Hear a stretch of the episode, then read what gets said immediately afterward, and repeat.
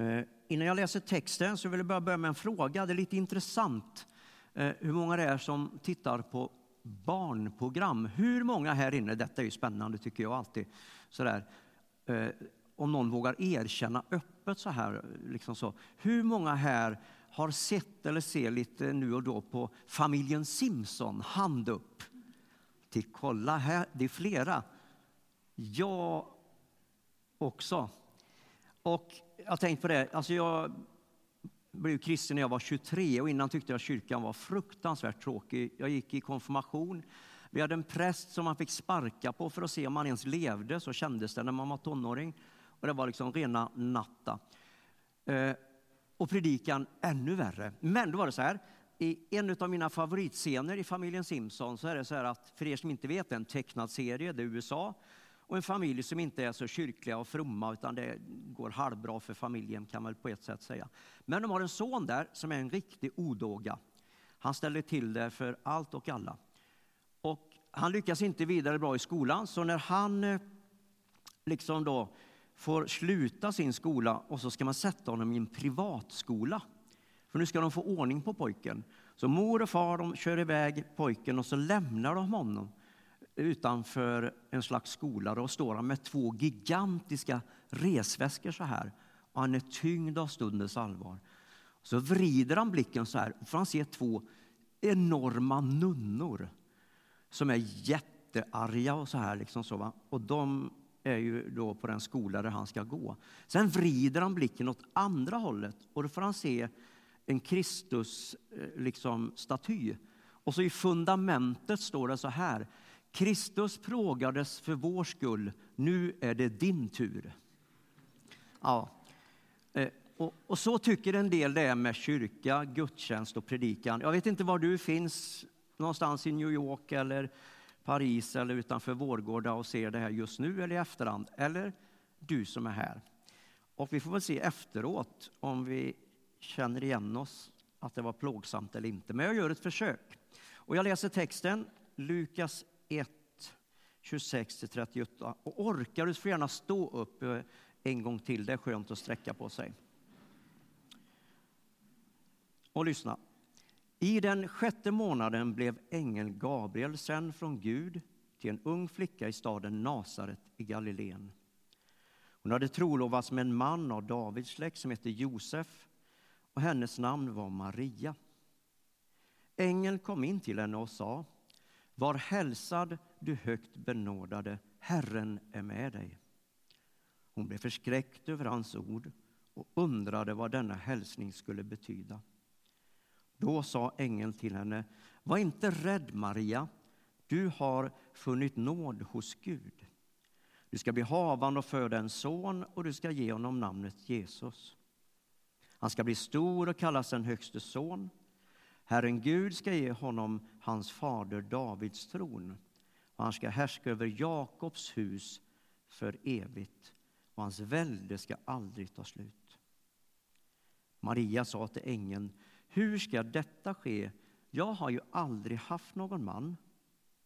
Men ängeln svarade henne, helig ande ska komma över dig och den Högstes kraft ska vila över dig.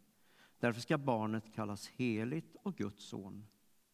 Elisabet, din släkting, väntar också en son, nu på sin ålderdom. Hon som sades vara ofruktsam är nu i sjätte månaden. Ty ingenting är omöjligt för Gud. Maria sa, jag är Herrens tjänarinna, må det ske med mig som du har sagt.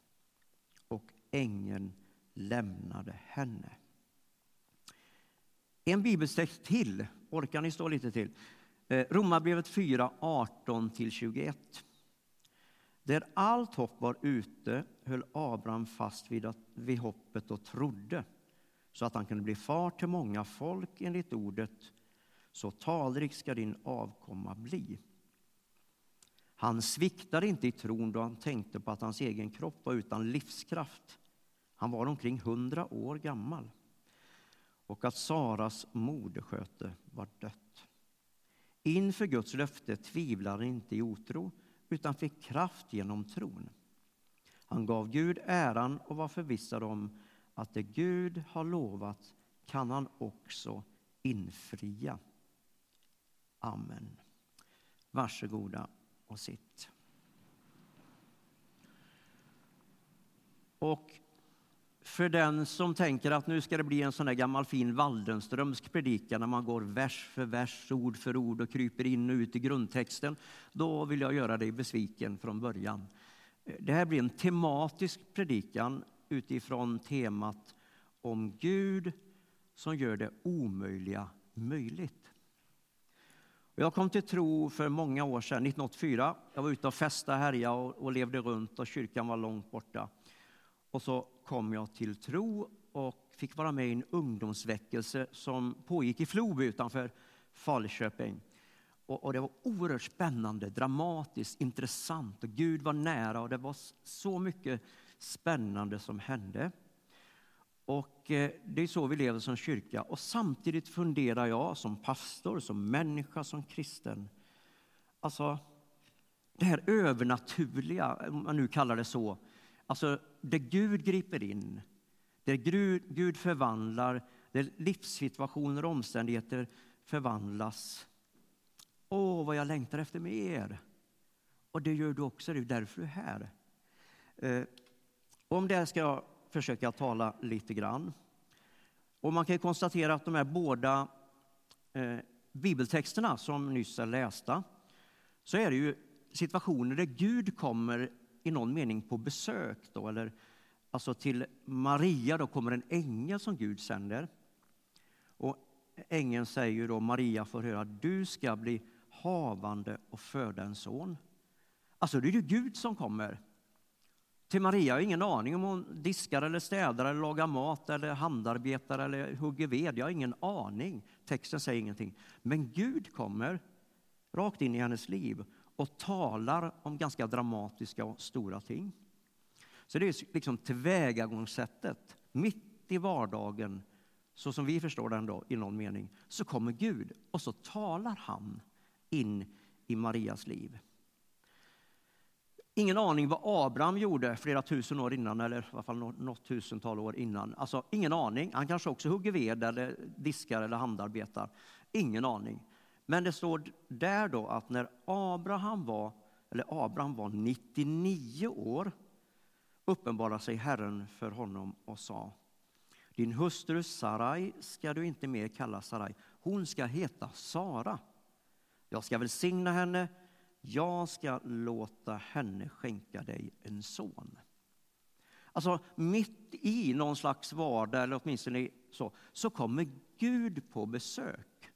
Och så talar han in i Marias liv, i Abrahams liv. Och sen går det i fullbordan som Gud har sagt. Så i de här två texterna så är det som att Gud kommer och möter. Det är inte så att, man vet ju inte, men jag tror inte aldrig hört det någon gång att Maria skulle ligga på knä dag och natt och be att hon skulle få bli gravid genom den helige Ande och föda Guds son. Alltså det finns inget som säger, utan hon blir överraskad av att Gud besöker henne, talar in i hennes liv. Och Jag vet inte hur ofta du har varit med om att du också hugger ved eller i vardagen och gör någonting och så kommer Gud rakt in där du finns och så talar i ditt liv. Det har ni säkert varit med om jättemånga gånger och så har det gått i uppfyllelse, det som Gud har sagt. Och eh, jag kan nog inte påminna mig för min del, fast jag har varit kristen i 35 år eller vad det nu är, jag kan inte så bra matte, men det var 1984 och det är några år. Men alltså jag har inte så jättemånga sådana erfarenheter där Gud kommer och bara besöker mig och talar in i mitt liv. Och sen går det i fullbordan. Eh, en del profetiska tilltal har jag fått genom människor som har lagt sin hand på och talat in i mitt liv och sen har det gått i fullbordan, det som Gud har sagt. Och jag väntar fortfarande på flera saker. Eh, ska det gå i fullbordan eller inte, eller hur går det? Sen emellanåt blir vi ju förstås överraskade av Guds närvaro där han gör saker i vårt liv, där han kanske inte talar ord in i våra liv som har med framtiden men han överraskar oss och möter oss Eh, för länge sedan var jag på ett läger evangeliserade i Höllviksnäs nere i Skåne. Vi var 300 människor i en fullsatt kyrka. Eh, det var nyårsbön och 275 av dem var väl ungdomar. Nyårsafton. Och i slutet av nyårsbönen eh, så är det så man vill ut och titta på raketerna och ni vet det där liksom när man har suttit på en ganska lång gudstjänst och, och som var härlig och god. Och helt plötsligt sänker sig Guds ande, den heliga ande, Jesu ande, ner så starkt att ingen av oss när vi lämnar kyrkan kan säga ett ord till varandra. Man brukar ju prata om man brukar, utan Guds ande var så starkt utgjuten så ingen talade förrän man har kommit några hundra meter från kyrkan. Gud överraskade oss och talade med sin närvaro så vi kände det. Och jag glömmer det aldrig. Ett annat läger som jag var på, jag, det var ett evangelisationsläger. Jag var helt nyfrälst, det är, det är jättelänge sedan då. Va? Eh, det var åtta dagar evangelisation. Så vi, vi, hade bön och det var smågrupper och vi knackade dörr och vi sjöng. Alltså det var åtta dagar när vi gav järnet så här liksom då, va? för att vin, försöka förkunna evangeliet och möta människor. En av kvällarna, tror jag, alltså, ja det måste ju varit nyårsafton givetvis då. Helt plötsligt så, så, skulle vi inte gå ut och försöka vinna den här världen utan ungdomarna där på lägret och började liksom ta fram finkavajen och man sminkade sig och kjolarna var ännu finare och vackrare och så här. Och då skulle det bli en nyårsfest. Och jag blev genuint vansinnig i mitt inre. Så jag tänkte, vad tusan gör vi på det här lägret? Världen där ute håller på att gå förlorad och så ska vi sitta här och äta och smacka och hålla nyårsfest. Alltså vilket ja, det var ju fel på mig, nu hör jag att det var fel på mig.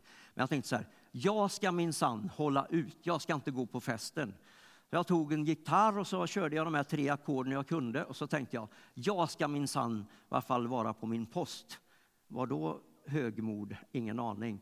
Men, men jag tyckte de var alldeles för slappa de här kristna. Och jag är inne i ett rum där och harvar på med gitarren och sjunger lovsång och ber och liksom så här, jag ska minsann inte ge mig.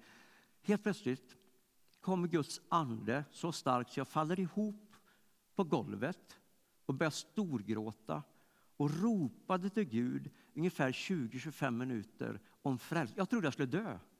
Gud körde över mig totalt i det här rummet och mötte mig så jag, jag, jag trodde jag skulle dö. Och sen fick jag se fyra personer jag hade mött lite grann och, och försökt vittna och berätta för. Så fick jag se dem framför mig, de bara kom emot mig så här. Då blev det ännu värre. Då trodde jag skulle dö på riktigt. Och Gud mötte mig på ett sätt som jag aldrig kan glömma. Det talade ju in i mitt liv. Och det var inte naturligt, för det är inget som händer varannan vecka eller varannan dag. Utan den upplevelsen har jag varit med om en gång i livet och jag glömmer det aldrig. Så det är klart att du och jag, vi är med om övernaturliga inslag i den meningen där Gud kommer oss till mötes. Och när du funderar sen, för John har ju skickat med lite frågor till smågrupper om man vill sitta hemma vid, vid köksbordet eller någon annanstans. Eh, tänk på eller berätta om något, någon eller en situation där Gud har gjort något som verkade omöjligt möjligt. Är det lätt eller svårt att tro på Guds övernaturlighet? Och han har skickat med några frågor som man kan fundera på. Men det är klart, när vi tittar i backspeglarna och ser bakåt så har vi ju erfarenheter, upplevelser som inte är av mänsklig art och karaktär. Och nu är ni i del två av predikan och jag vet inte om det är fem eller sju delar, jag har ingen aning. Jag bara kör på, så ni, ni, ni får kasta någonting hårt på mig om det blir för långt. Eh, jag är ganska mjuk så det går bra. Eh, jag tycker det är spännande med Guds handlande genom historien. Och tre korta punkter. Den första delen, när vi läser i Gamla testamentet, hur handlar Gud primärt då? Jo, ovanifrån. Alltså Gud är ju där uppe. Och så går man upp på berg för att komma närmare Gud i någon mening. Mose, ni vet tavlorna och eh, massa olika. Man sträcker sig uppåt. När Elia ber på berget, samlar ju folket där de har haltat på båda sidor, då svarar Gud ovanifrån med eld. Eh, och Jesus ber ju i bönernas bön, Fader vår som är i himmelen. Alltså, Gud är placerad i himlen i det gamla förbundet och så handlar han ovanifrån och gör fantastiska ting och bryter in i vardagen och gör det omöjliga möjligt genom sin kraft. Så kan man säga primärt att Gud handlar ovanifrån. Men sen kommer ju Gud ner på jorden, alltså Jesus då, och Gud blir människa. Och då gör ju Jesus det som förut Gud i någon mening gjorde ovanifrån. Nu är det Jesu tur att liksom handla och han ber för sjuka, han stillar stormar, han går på vatten och så går Gud själv bland människorna och så utför han sitt verk. Och det är den andra delen, hur Gud handlar genom historien. Och så kommer den tredje, och det handlar om dig, det handlar om mig. För det tredje sättet Gud handlar genom historien, det är ju att kyrkan får, eller församlingen får, de troende får, helige ande. Och så är vi Kristi kropp på jorden. Och så ska vi göra det Jesus förut gjorde. Vilken spännande utmaning för kyrkan. Alltså, ni ska göra gärningar som jag och ännu större, säger Jesus till sina lärjungar för länge sedan och till dig och mig idag. Och det är eh, i sanning en spännande utmaning. När lärjungarna får den helige Ande så vet vi ju, alltså de börjar göra det Jesus förut gjorde. Och ni vet när, när, när Petrus och, och, Johannes möter den där mannen vid sköna porten så säger ju Petrus, silver och guld har jag inte, men vad jag har, det ger jag dig. I Nazaren Jesu Kristi namn, stig upp och gå. Så grep han tag honom i högra handen, reser honom upp och med ens fick mannen stadga i fötter och vrister. Och nu gör lärjungarna, kyrkan, det Jesus förut har gjort. Så kyrkans kallelse är att göra det omöjliga möjligt i en mening. Och det går ju inte av sig självt. Det vet ju alla som är här förstås. Men det är ändå kyrkans kallelse att faktiskt göra det Jesus gjorde. Och det tar sig mängder av olika uttryck givetvis. Eh, ibland vet man inte ens. Eh, min fru heter Katarina och hennes farfar heter Henry Kimbom. Ni som är lite äldre än jag har hört om Henry Kimbom. Han, han välsignade allt möjligt. Han, han knödde sig in hos kung, den gamle kungen när han fyllde år och, och bad om Guds välsignelse. Och han, han var på alla möjliga platser och välsignade. Och här ute någonstans utanför Vårgårda, där de skulle predika och var ute med Kimbomsgruppen. Då sa han så här mellan varven, stoppa bilen pojk. Och det var min svärfar då, för han körde bilen. Och då skulle han ut och välsigna någon. Och så här ute på slätten någonstans då ropade han, Gud välsigne dig broder. Och då var det en fågelskrämma. Han, han såg ju så dåligt så han välsignade allt möjligt. Men, men, men vid ett tillfälle så kom en man som, som var journalist och skriver senare i tidningen och berättar. Han åkte från Mariestad och skulle till Karlsborg och sen vidare till Skövde. Och bilen han körde, eh, han hade problem, kylaren läckte. Så han fick in på var och varannan bondgård och, och fylla på vatten. Liksom så här. Och så kommer han hem till Henry Kimbom. Och så säger han, ja, min bil här och jag har problem, kylan läcker. Har du vatten? Jajamän, här är välsignat vatten. Gud välsigne dig broder. Och så fick han vatten. Så hällde han i vattnet i bilen och sen läckte inte kylaren mer. Det skriver han om i, i tidningen sen. Välsignat vatten var rubriken. Eh, och, och, det enda Henry Kimbon sa, välsignat vatten är det här och Gud välsigne broder. Och det verkar som det hände någonting med den här bilen. Eh, när jag var nykristen eh, så, så kom jag ihåg att Monica kom med sån fruktansvärd migrän hon hade haft under många år. Hon hade vid den tiden ätit alla piller som man kunde stoppa i sig och ingenting hjälpte. Och vi bara sa vi ber och så känner vi bara Guds kraft kommer över henne. Hon börjar skratta istället för gråta. Och så är migränen borta, bara pang så här. Och så gör Gud det omöjliga som inte läkare eller andra har kunnat göra. Och eh, så har du och jag varit med och sett Guds rike utbreda sig och Guds goda vilja ske. Och det omöjliga har hänt. Men sen när vi börjar brottas med det här så har vi ju andra erfarenheter. Och jag var helt ny i tron, jag har varit med om flera under och tecken och människor kom till tro och Guds närvaro. Så fick morsan sin sjätte hjärtinfarkt, då var hon 50 år. Och eh, jag var alldeles ny i tron och jag tänkte jag ska be för henne. Och när jag gick upp på sjukhuset i Falköping, för trapporna där, så ser jag för min inre liksom syn så här, eller en bild då, att morsan som ligger där med slangar och maskiner och är helt liksom, ja, det, det finns inget. Och jag ser hur jag lägger händerna på henne och ber. Hon reser sig upp och man stänger av maskinerna och så här. Och så går jag upp och så sätter jag mig jämte morsan där. Och så lägger jag händerna på och ber. Det sitter en sköterska och övervakar apparaturen. Och så ber jag en halvtimme, timme, ingen aning. Ingenting händer. Och så på kvällen dör hon, 50 år gammal. Så vi har ju erfarenheter av både och. Jag är reumatiker sedan 25-27 år. Och eh, jag har sökt förbön minst 100 gånger. Jag har befallt sjukdomen ge vika. Jag har, har jag gjort allt jag kunnat. Och eh, kommer ihåg ett tillfälle, jag var i, i en pingkyrka nära Töreboda där jag bor. Då. Och så tänkte jag, nu kommer den här predikanten, nu måste jag bara dit. För, alltså jag, jag kunde knappt köra bilen. Jag hade en spik så här i nyckeln och så fick jag använda båda händerna för att ens starta bilen. Jag var alltså riktigt, riktigt eh, dålig alltså.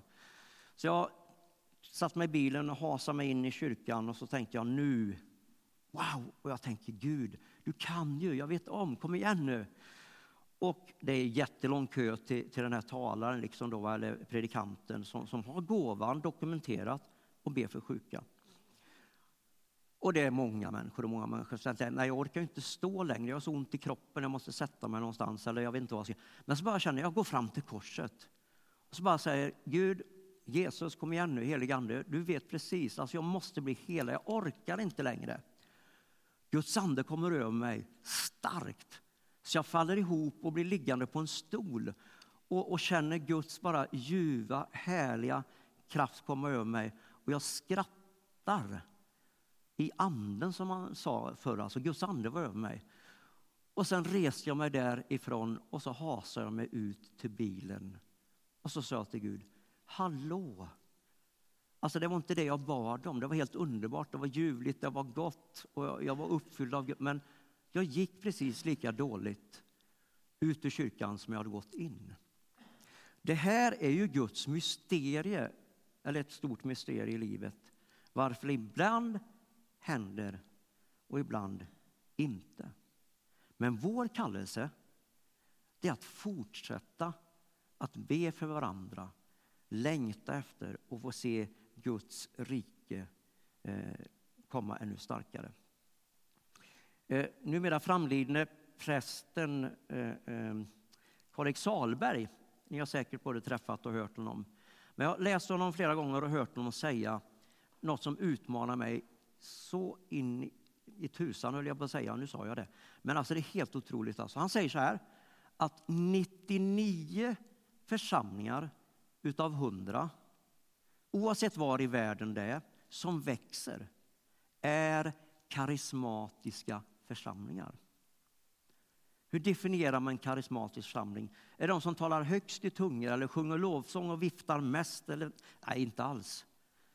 Så man är öppen för den heliga Ande, praktiserar Andens gåvor och undervisar och längtar efter mer av Jesus. Och 99 utav 100 församlingar världen, väx, världen över som växer är karismatiska församlingar.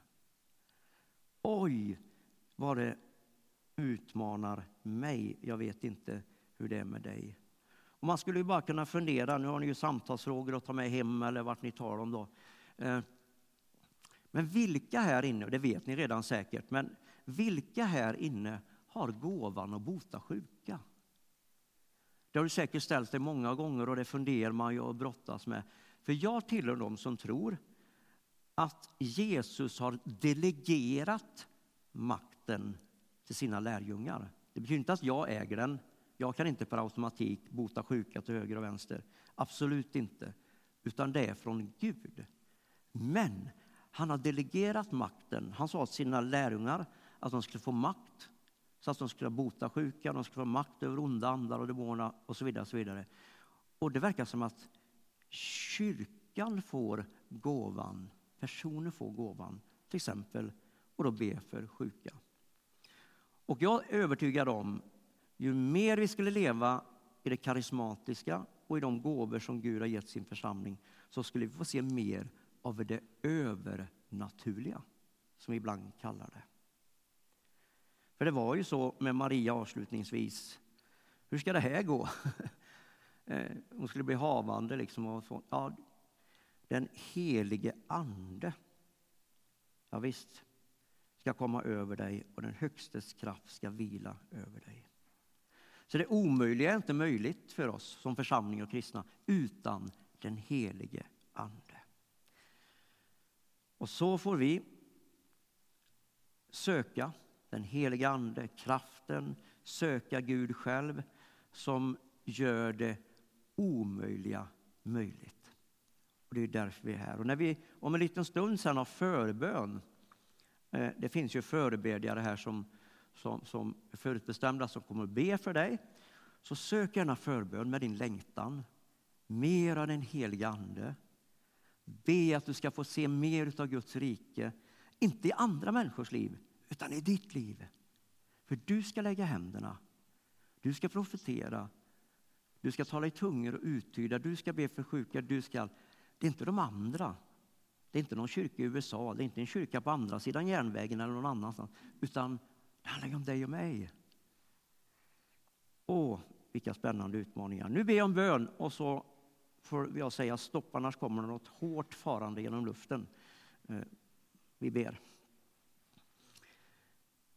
Herre, tack att du utmanar oss, uppmuntrar oss att leva, längta efter ännu mer av det omöjliga och det som du kan göra. Men vi tackar också att du utmanar oss alla dagar i veckan att vi skulle få göra det du gjorde. Tack att vi har fått den heliga Ande, tack att vi har fått uppdraget att vara dina händer, dina fötter, dina ögon, dina öron, din mun. Tala till människor, röra med människohjärtan och göra det som är ditt rike. Herre, vi tackar dig så att vi får överlåta fortsättningen av vår gudstjänst i dina goda händer och vi ber ruva med din goda heliga Ande över oss. Du ser vår längtan och jag ber att de gåvor som är i funktion skulle bara få vara det på ett underbart sätt i din goda heliga Ande. Vi ber också att du ska förlösa gåvor och längtan till liv, till glädje, till frälsning. Så att vi får se ännu mer att det omöjliga blir möjligt. Herre, vi överlåter så allt i dina goda händer. I Jesu namn. Amen.